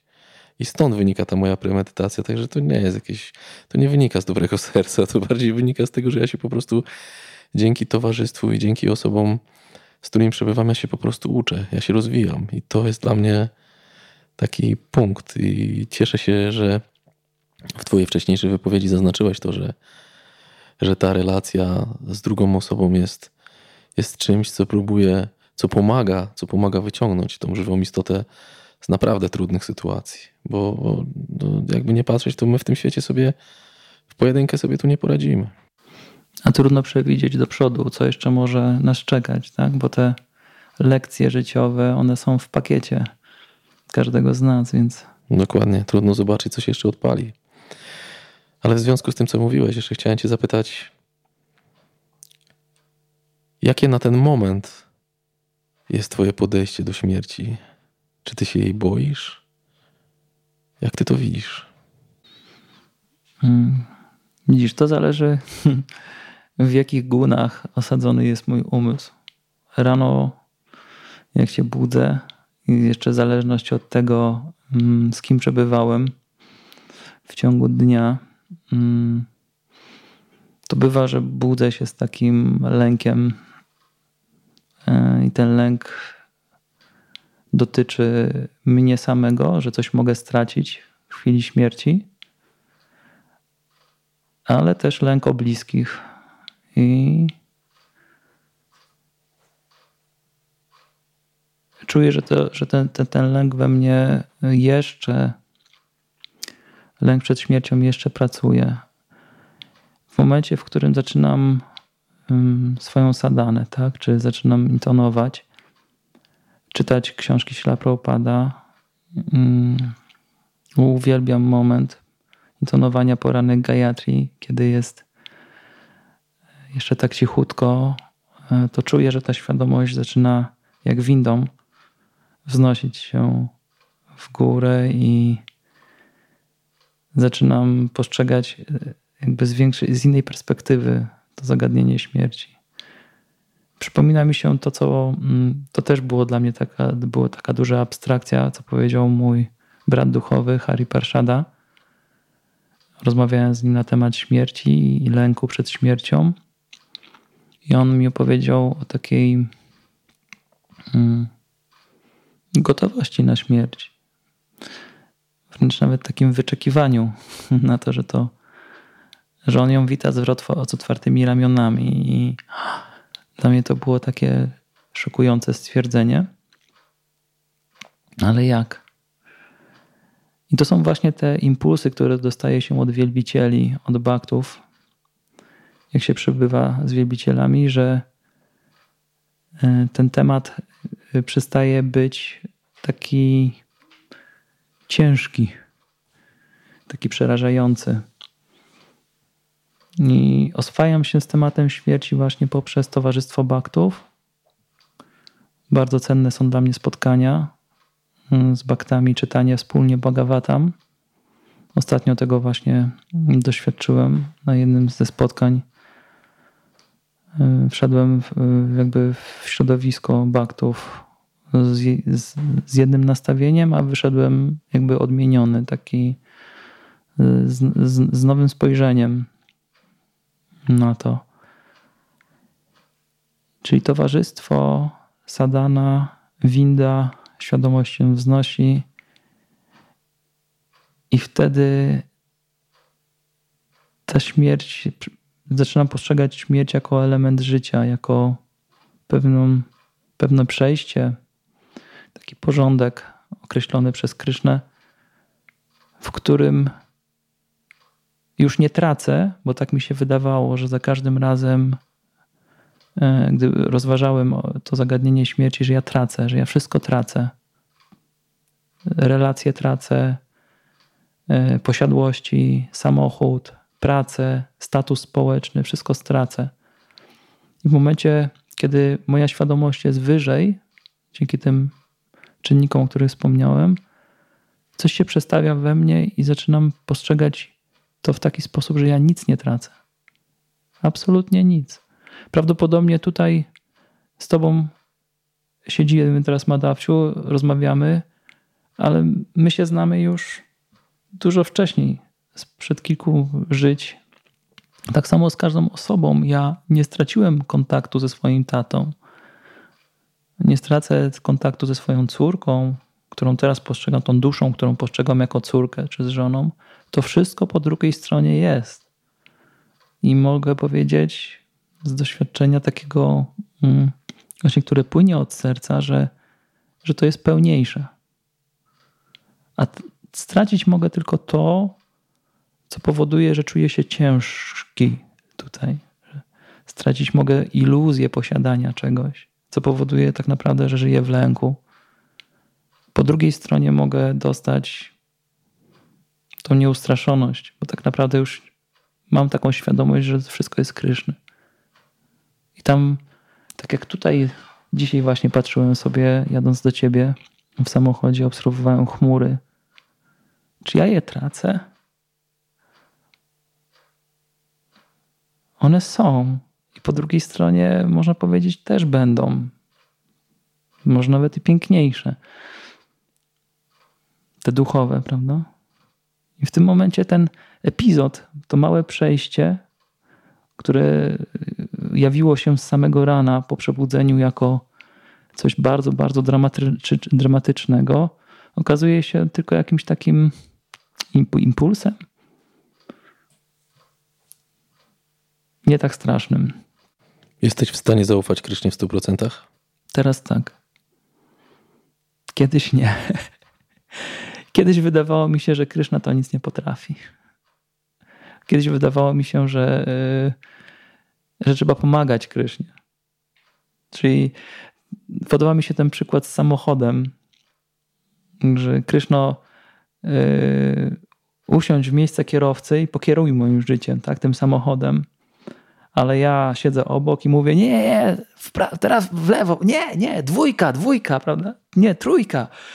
Tak jakbym traktował go jako osobę, która jest niedoświadczona. Mm. Teraz staram się nie przeszkadzać mu, gdy już siedzi na fotelu kierowcy i podziwiać, jak on to pięknie potrafi kierować. Tak? Są momenty, w którym wyrywam się jeszcze tak wewnętrznie, żeby mu wyrwać tą kierownicę. To jest, myślę, że z nawyku, ale już doświadczenia yy, wiem, że to mi nie przynosi niczego dobrego. Ten mój pomysł na życie, sposób yy, działania nawykowego, tylko mnie w terapaty yy, wciąga. Teraz wręcz jestem ciekawy, jak Kryszna pokieruje dzisiejszym dniem, kogo postawi na mojej drodze, co ja mogę tej osobie dać, co ona mi da w tej, w tej wymianie. I dzisiaj patrzę właśnie na, na, na, na to życie z perspektywy właśnie takiej przygody i ciekawości i podziwu, że on to wszystko jest w stanie w tak niezwykły sposób ogarnąć nie tylko moje życie, Kiedyś próbowałem też kontrolować życie swojej żony, swojej córki, baktów. Ja miałem pomysł dla każdego bakty na życie, jak on ma sadane spełniać, a jak odchodził delikatnie od czynności, które ja sobie wymyśliłem, że on ma wypełniać, bo wtedy będzie szczęśliwy, no bo no to wtedy automatycznie coś we mnie się burzyło, że jak on tak może, przecież ja miałem plan dla tej osoby, tak? Bhakti yoga, czy świadomość Kryszny w pewnym momencie uczy poddania się i uczy właśnie podziwu dla Kryszny, który jest w stanie kontrolować w przepiękny sposób i kierować życiem, potrafi kierować życiem innych ludzi. Chciałbym podrążyć jeszcze trochę ten temat, bo powiedziałeś, że zdarzają się momenty, w których jeszcze nie ufasz Krysznie. Kiedy te momenty się zdarzają? Czym one się charakteryzują? Z czego wynikają? Jak myślisz? No zobacz teraz sytuacja, jaka ma miejsce y, na świecie. Tak? Zaczyna brakować. Przynajmniej tak mówią, że brakuje, ale no, znam ludzi, którzy rzeczywiście tego doświadczają, bo dostali dotacje na węgiel, a węgla nie ma. Tak? Y, I nie mogą sobie ogrzać chaty na zimę, więc mm, jest perspektywa jakiegoś zagrożenia wojną, tak? Straszą nas w mediach, że, yy, że może być yy, jakiś konflikt, że może zabraknąć prądu, No i co? I wtedy Rami zaczyna działać o własnych siłach. Ja nie mówię, żeby całkowicie wyzbyć się inteligencji i, i jakby nie współpracować z Kryszną, dbając o swoje potrzeby, ale mi chodzi o to, że kiedy, wy, y, kiedy się włącza ta atiahara, taka zachłanność, żeby mieć jeszcze więcej ponad to, co Kryszna ci daje, w tym momencie budzę się myślę sobie, zadaję sobie takie pytanie właśnie, czy ej, Ramia, czy ty ufasz Krysznie? czy ty ufasz, że, że, że wszystko będzie dobrze? Dlaczego próbujesz znowu o własnych siłach? Są takie momenty, że, że gdybym mógł, to wziąłbym całą rodzinę e, i wyjechałbym z Polski gdzieś do jakichś ciepłych krajów, z dala od tych wszystkich e, rzeczy, które się tutaj dzieją z nadzieją taką, że tam będziemy mieli swój upragniony raj. I ja o to zadbam. Oczywiście nie Kryszna. To Czyli ja. co, łapiesz tą kierownicę znowu, tak? Łapię znowu kierownicę. Bo uważam, że Kryszna w tym miejscu, w takiej sytuacji przysnął, przysnął. przysnął albo nie będzie w stanie zadbać o mnie albo o moją rodzinę. No. I co? Przychodzi otrzeźwienie? Tak. Czy ono przychodzi brutalnie, czy tak, y, czy na przykład, bo ja czasem mam takie doświadczenie, że, że to przebudzenie przychodzi w taki sposób, że biorę japas, intonuję i nabieram dystansu, nie? Że to, że czasem to nie musi być jakieś mocne huknięcie, że to po prostu potrzeba czasem oderwać myśli, przekierować świadomość i to wtedy zmienia się dużo, nie? Mi pomaga Bhagavatam bardzo mocno, a szczególnie Bhagavatam czytane z baktami to jest, jak to się mówi, petarda taka, w której podczas takie momenty, w którym wybucha to, to, to, to coś takiego, że, że, nagle wszystko staje w zupełnie innym świetle. Bhagavatam daje tą perspektywę, że nie jestem tym ciałem, tak? Że, że Krishna zadba o moje potrzeby, że pokieruje dobrze moim życiem. A jeszcze ostatnio mieliśmy właśnie takie e, czytanie Bhagavatam, w którym Baktowie to jest, to jest niezwykłe, bo z jednej strony treść Bhagavatam jest sama w sobie tak, tak potężna, ale z drugiej strony rezonans, jaki wytwarza w baktach, którzy zaczynają się dzielić swoim doświadczeniem, jak rozumieją to Bhagavatam, co, jak oni postrzegają rzeczywistość przez pryzmat Bhagavatam. No i to, to dla mnie to jest wtedy znowu powrót do tej dobrej świadomości. Tak, tak jak powiedziałeś o Japasie, to samo, ale, ale służba oddania spełniana kolektywnie z baktami, no to, to jest coś, o co, o co myślę, że, że y, powinienem zabiegać. Ja pamiętam, że kiedyś miałem podobne doświadczenie, że miałem dużo pytań, dużo wątpliwości i im bardziej pytałem, tym bardziej czułem, że te odpowiedzi nie są satysfakcjonujące dla mnie i czułem się taki mocno skołowany. Czułem, że, że, tak, że tak powiem, zakręciłem się, że biegam jak pies za swoim ogonem. I nagle przyszła praktyczna służba oddania. Nie pamiętam, trzeba było pociąć kapustę. I wyobraź sobie, że to było normalnie jak, jak eliksir, jak lek, po prostu jak odtrutka na, na moje jakieś umysłowe problemy, nie? Takie, które... Zacząłem ciąć tą kapustę i rzeczywistość mi się po prostu poukładała. Już normalnie w jednym momencie. To było niesamowite. I wtedy doświadczyłem potęgi służby oddania. Takiego, że ona nawet potrafi z tych takich... Z tych takich naszych zakamarków świadomości nas wyciągnąć po prostu zwykłym krojeniem kapusty, nie? Skupiłem się, myślę sobie, Kryszno, nie rozumiem tego wszystkiego, biorę tą kapustę i ją kroję, tyle mogę dla ciebie zrobić, nie chcę o tym wszystkim myśleć. I nagle poczułem taką ulgę, jakby mi ktoś plecak z kamieniami ściągnął i już, już nie miałem tego wszystkiego. Nie to, że nie szukałem tych odpowiedzi, tylko te odpowiedzi były dla mnie mało istotne. Mhm. To było niesamowite doświadczenie. Służba oddania jest czymś takim bardzo uleczającym duszę żywej istoty.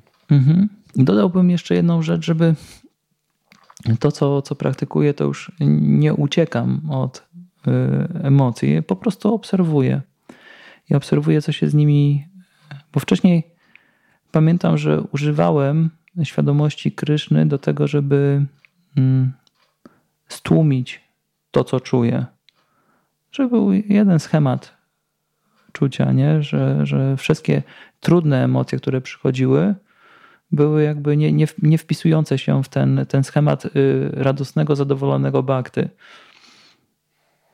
Mm, teraz myślę, że żeby y, uzdrowić coś, czyli na przykład tą, ten lęk i, i chociażby na przykład brak zaufania dla Kryszny, dobrze jest wejść w kontakt z tym, co czuję. Który aspekt życia duchowego jest dla ciebie jeszcze teoretyczny? Są takie aspekty jeszcze życia duchowego? Bo ja mam dużo takich obszarów. A możesz się podzielić? Pomożesz mi? Na przykład moment, w którym nie umiem zrozumieć tego, w jaki sposób mistrz duchowy może być wszechwiedzący.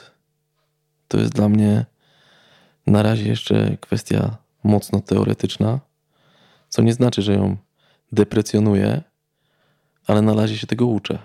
A jeszcze? To ja tu robię wywiad. nie no, są pewne rzeczy, na przykład, no nie wiem, no dla niektórych, yy, na przykład dla mnie też, smak intonowania Mahamantry Hare Krishna, o którym mówi na przykład e, Sanatana Goswami czy Rupa Goswami, który jest po prostu jak powietrze, to jeszcze nie jest mój etap. Ja rozumiem, że tam ja doświadczyłem wiele razy, że Mahamantra Hare Krishna potrafi dać ukojenie, potrafi być e, w jakiś sposób bardzo słodka, ale nie mogę o tym jeszcze powiedzieć, że to jest dla mnie jak powietrze, że ja nie potrafię bez tego żyć. Bo jakbym potrafił, to, to, by, to by moje rundy wyglądały zupełnie inaczej. Ja bym to ubrał y, trochę inaczej. W, w podziw dla tych osób, które są w stanie zrobić coś, co dla mnie jest jeszcze taką abstrakcją. W tym roku na festiwalu Indie y, obserwowałem Indra Swamiego i, i właśnie ten podziw się pojawił, że Maharaj potrafi trzy godziny być na Harinamie, mimo wieku, jaki ma, ponad 70 lat.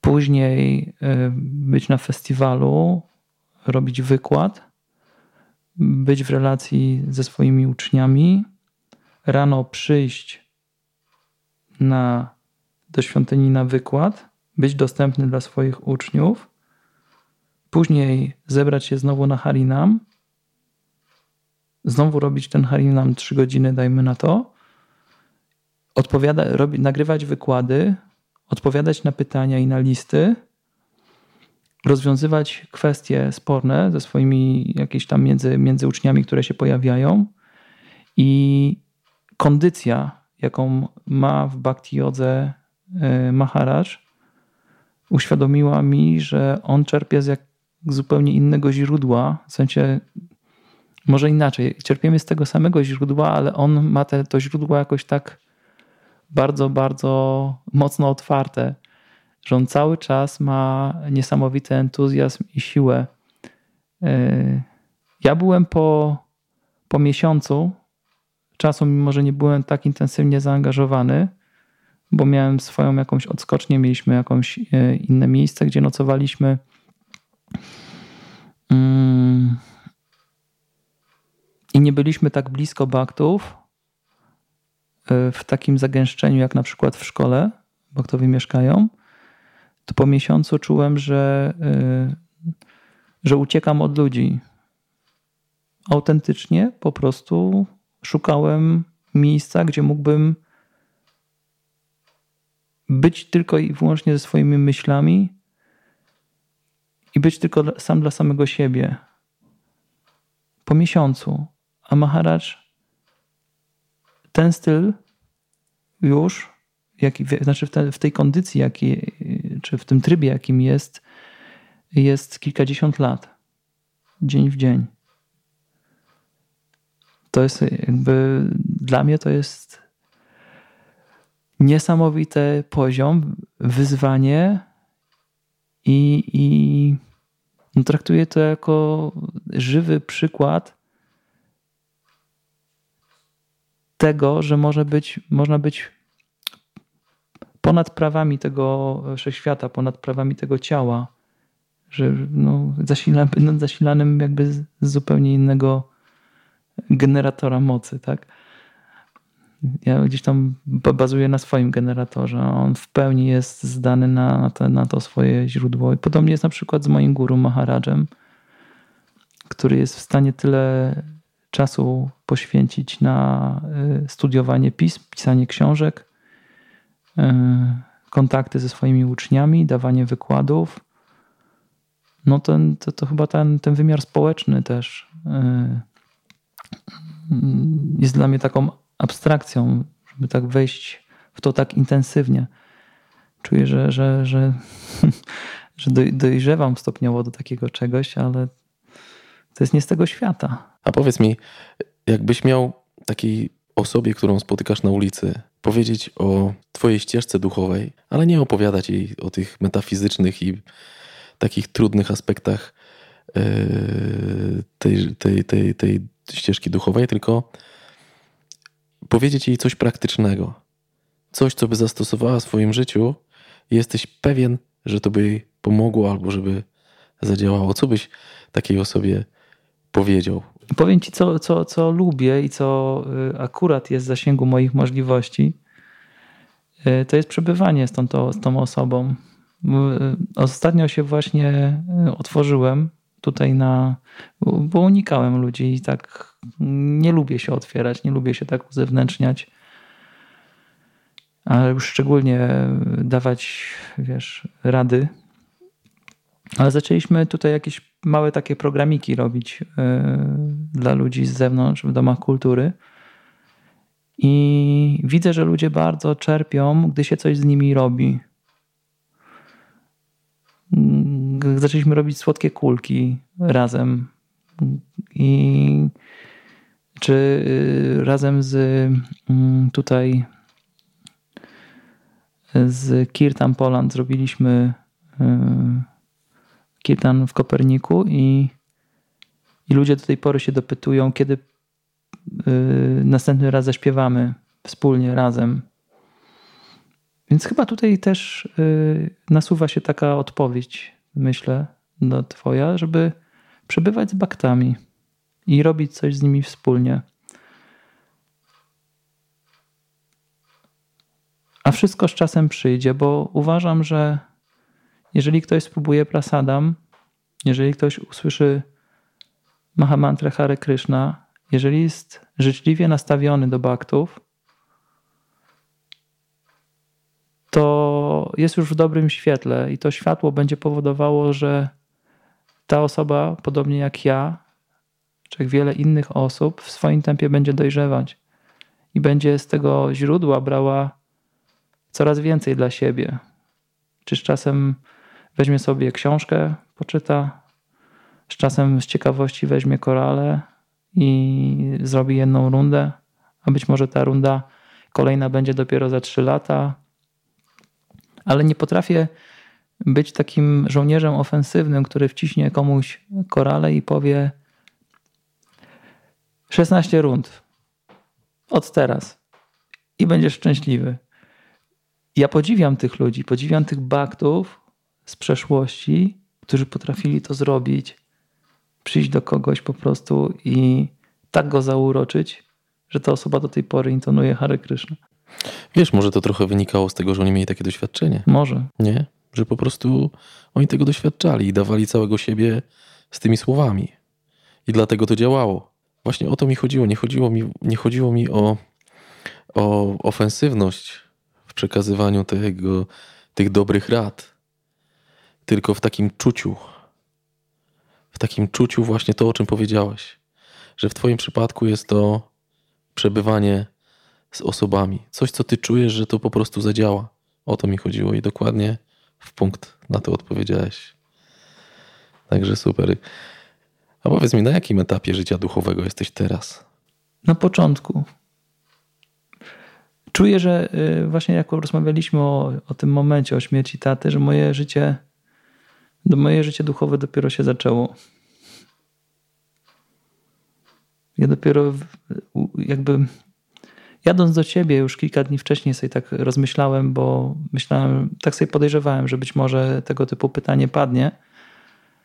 I zastanawiałem się, na jakim etapie jestem.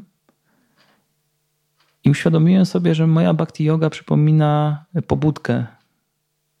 Ja się 20 lat budziłem i dopiero się obudziłem do tego, żeby świadomie praktykować proces bhakti yogi. I to stało się niedawno. No myślę, że to jest taki, to co powiedziałeś, to jest taki mm, punkt pokazujący, że rozwój następuje. Bo, bo wiele osób ma dokładnie to samo doświadczenie. Że dlatego też y, to pytanie jest dla mnie takie istotne, tego punktu przełomowego, bo ono pokazuje, że coś się otwiera i pojawia się jakaś prawda. Prawda, która do tej pory była trochę przykurzona i trochę jeszcze nie do końca odkryta, ale ona była bardzo potrzebna. I ten punkt przełomowy jest momentem, w którym ta prawda wychodzi na jaw. I to, co mówisz, że to jest początek, to oznacza, że to jest początek, ale etapu następnego. To nie jest początek. Yy, całości, tylko to jest początek następnego etapu i prawdopodobnie przed nami jeszcze jest dużo takich punktów, które, w którym gdy dojdziesz do tego etapu, to powiesz tak, tam to było, a to jest następny początek. I to są etapy, nie? A powiedz mi, jaka cecha u ludzi najbardziej cię ujmuje? Patrzę na niektórych wielbicieli i ujmuje mnie totalna zależność ich od Kryszny. Patrzyłem w tym roku właśnie na Indra Dumina Swamiego. Miałem takie poczucie takie wewnętrzne, że on jest cały Kryszny.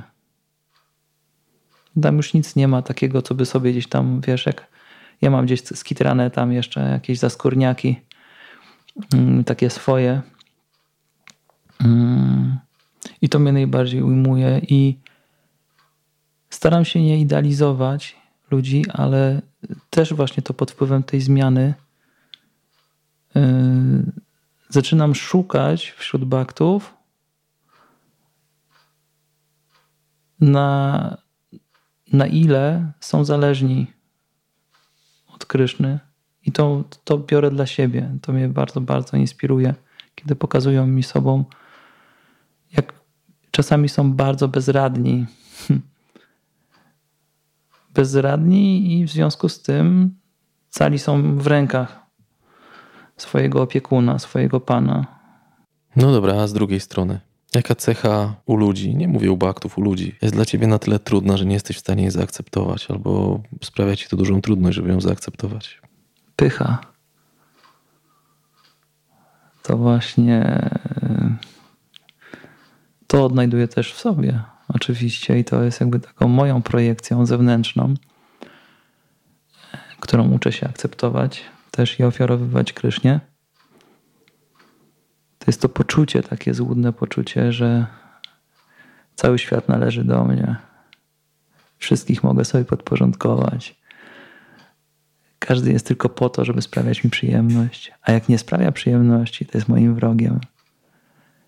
I jak obserwuję właśnie naszych rządzących, czy ludzi, którzy sprawiają tyle zamętów w świecie, posuwając się nawet do zbrodni, ludobójstw. I no jest to, to, to jest właśnie ta pycha, że ja jestem tu po to, żeby udowodnić Tobie w końcu, żebyś uwierzył, że jestem tym Bogiem. No dobra, to już tak trochę porozmawialiśmy o ludziach. Chciałem Cię trochę przygotować trochę już tam mi na, nadmieniłeś, ale chciałem Cię zapytać, co uważasz u siebie za taką mocną i silną stronę? Coś, co Ty czujesz, że w Tobie jest takiego, że to jest nadwymiarowe, takie, że Ty czujesz, że to jest Twoje. Że może nie wszyscy o tym wiedzą, ale Ty wiesz, że to w Tobie jest. Może tego nie widać nawet, ale ty wiesz, że to jest. Coś, co mnie ostatnio bardzo mocno buduje, no to jest to, to, jest to poczucie bycia zależnym od Kryszny. Ja sam, sam za wiele nie mogę. Kiedyś to jest ciekawe, bo nawet rozmawiałem z wielbicielami, poruszałem sobie ten temat gdzieś w takich rozmowach prywatnych. Czy bycie zależnym nie jest wstydem? Bo ja chciałem być zawsze taką osobą niezależną. Nawet. Nie, no, y, stereotyp mężczyzny jest taki, że on sobie radzi, nie? Tak. Że nie pozostawia marginesu na przypadek. Tu wszystko musi być ułożone, musi być pewne, musi być sprawdzone, podpisane, pieczątka przybita i koniec, wykonujemy. Tak. Więc y, czuję, że moją mocną stroną na tę chwilę jest gotowość, czy wzmagająca się, czy budująca się gotowość do poddania się i puszczenia tej kierownicy i obserwowania, jak mistrz kierownicy sobie radzi. A coś nad czymś musisz jeszcze pracować? Czuję, że ta, tam jest taki obszar, który jest jeszcze mocno zachwaszczony i tamten obszar jest jeszcze do popracowania. Tam coś rośnie, czego ja nie jestem w stanie jeszcze na razie do niego dotrzeć.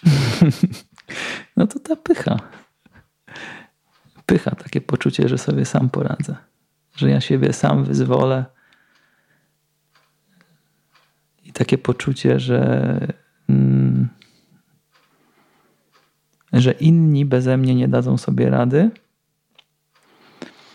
Jeszcze inna rzecz, nad którą, którą sobie obserwuję mm, w sobie, to jest potrzeba uznania, która z tego, co się dowiaduję, jest naturalną potrzebą każdego człowieka, ale myślę, że jej jakieś takie mm, przerosty, nie? takie idą w kierunku aż wręcz zaborczości, kiedy potrzebujesz tak mocno, żeby ktoś ciebie pochwalił i uznał twoją wielkość i twoje różne inne cechy, żeby je jeszcze omawiał, a najlepiej, żeby w kręgach z innymi ludźmi.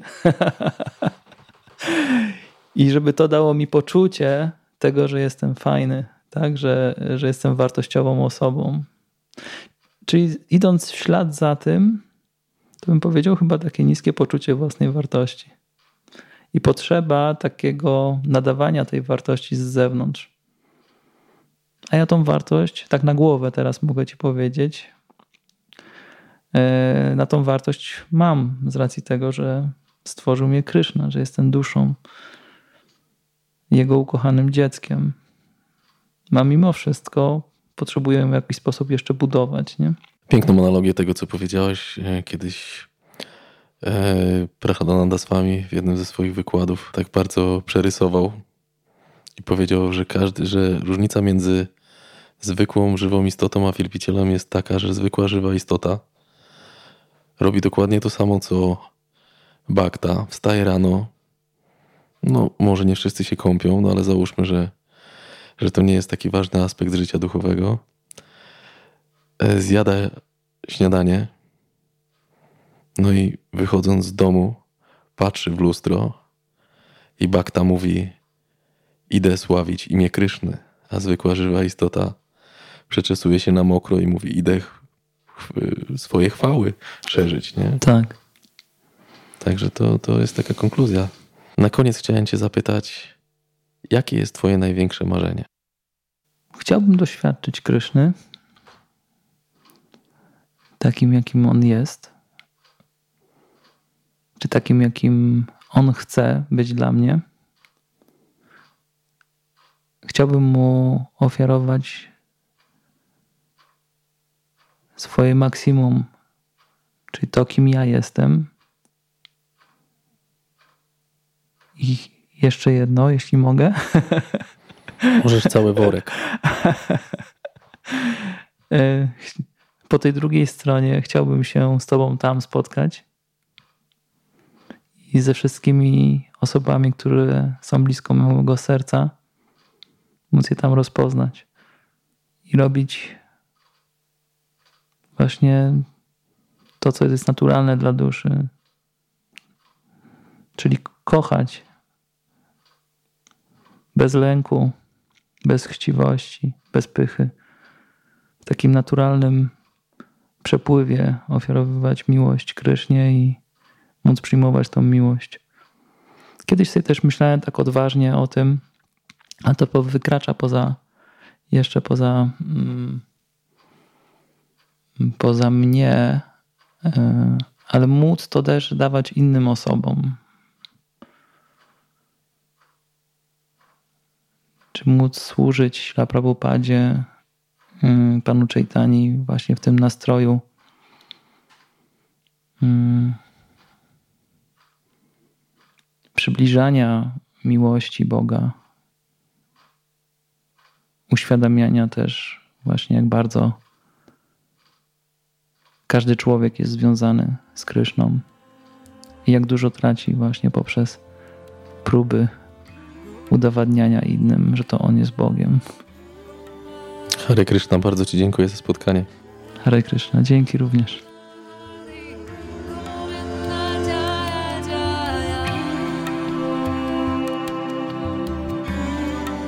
Audycja ta jest dostępna na wszystkich popularnych platformach do słuchania podcastów, takich jak Google Podcasty, Spotify, Apple Podcasts i innych.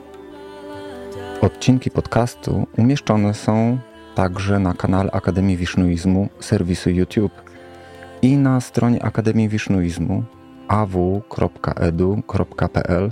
w zakładce podcasty również można znaleźć odcinki tej audycji.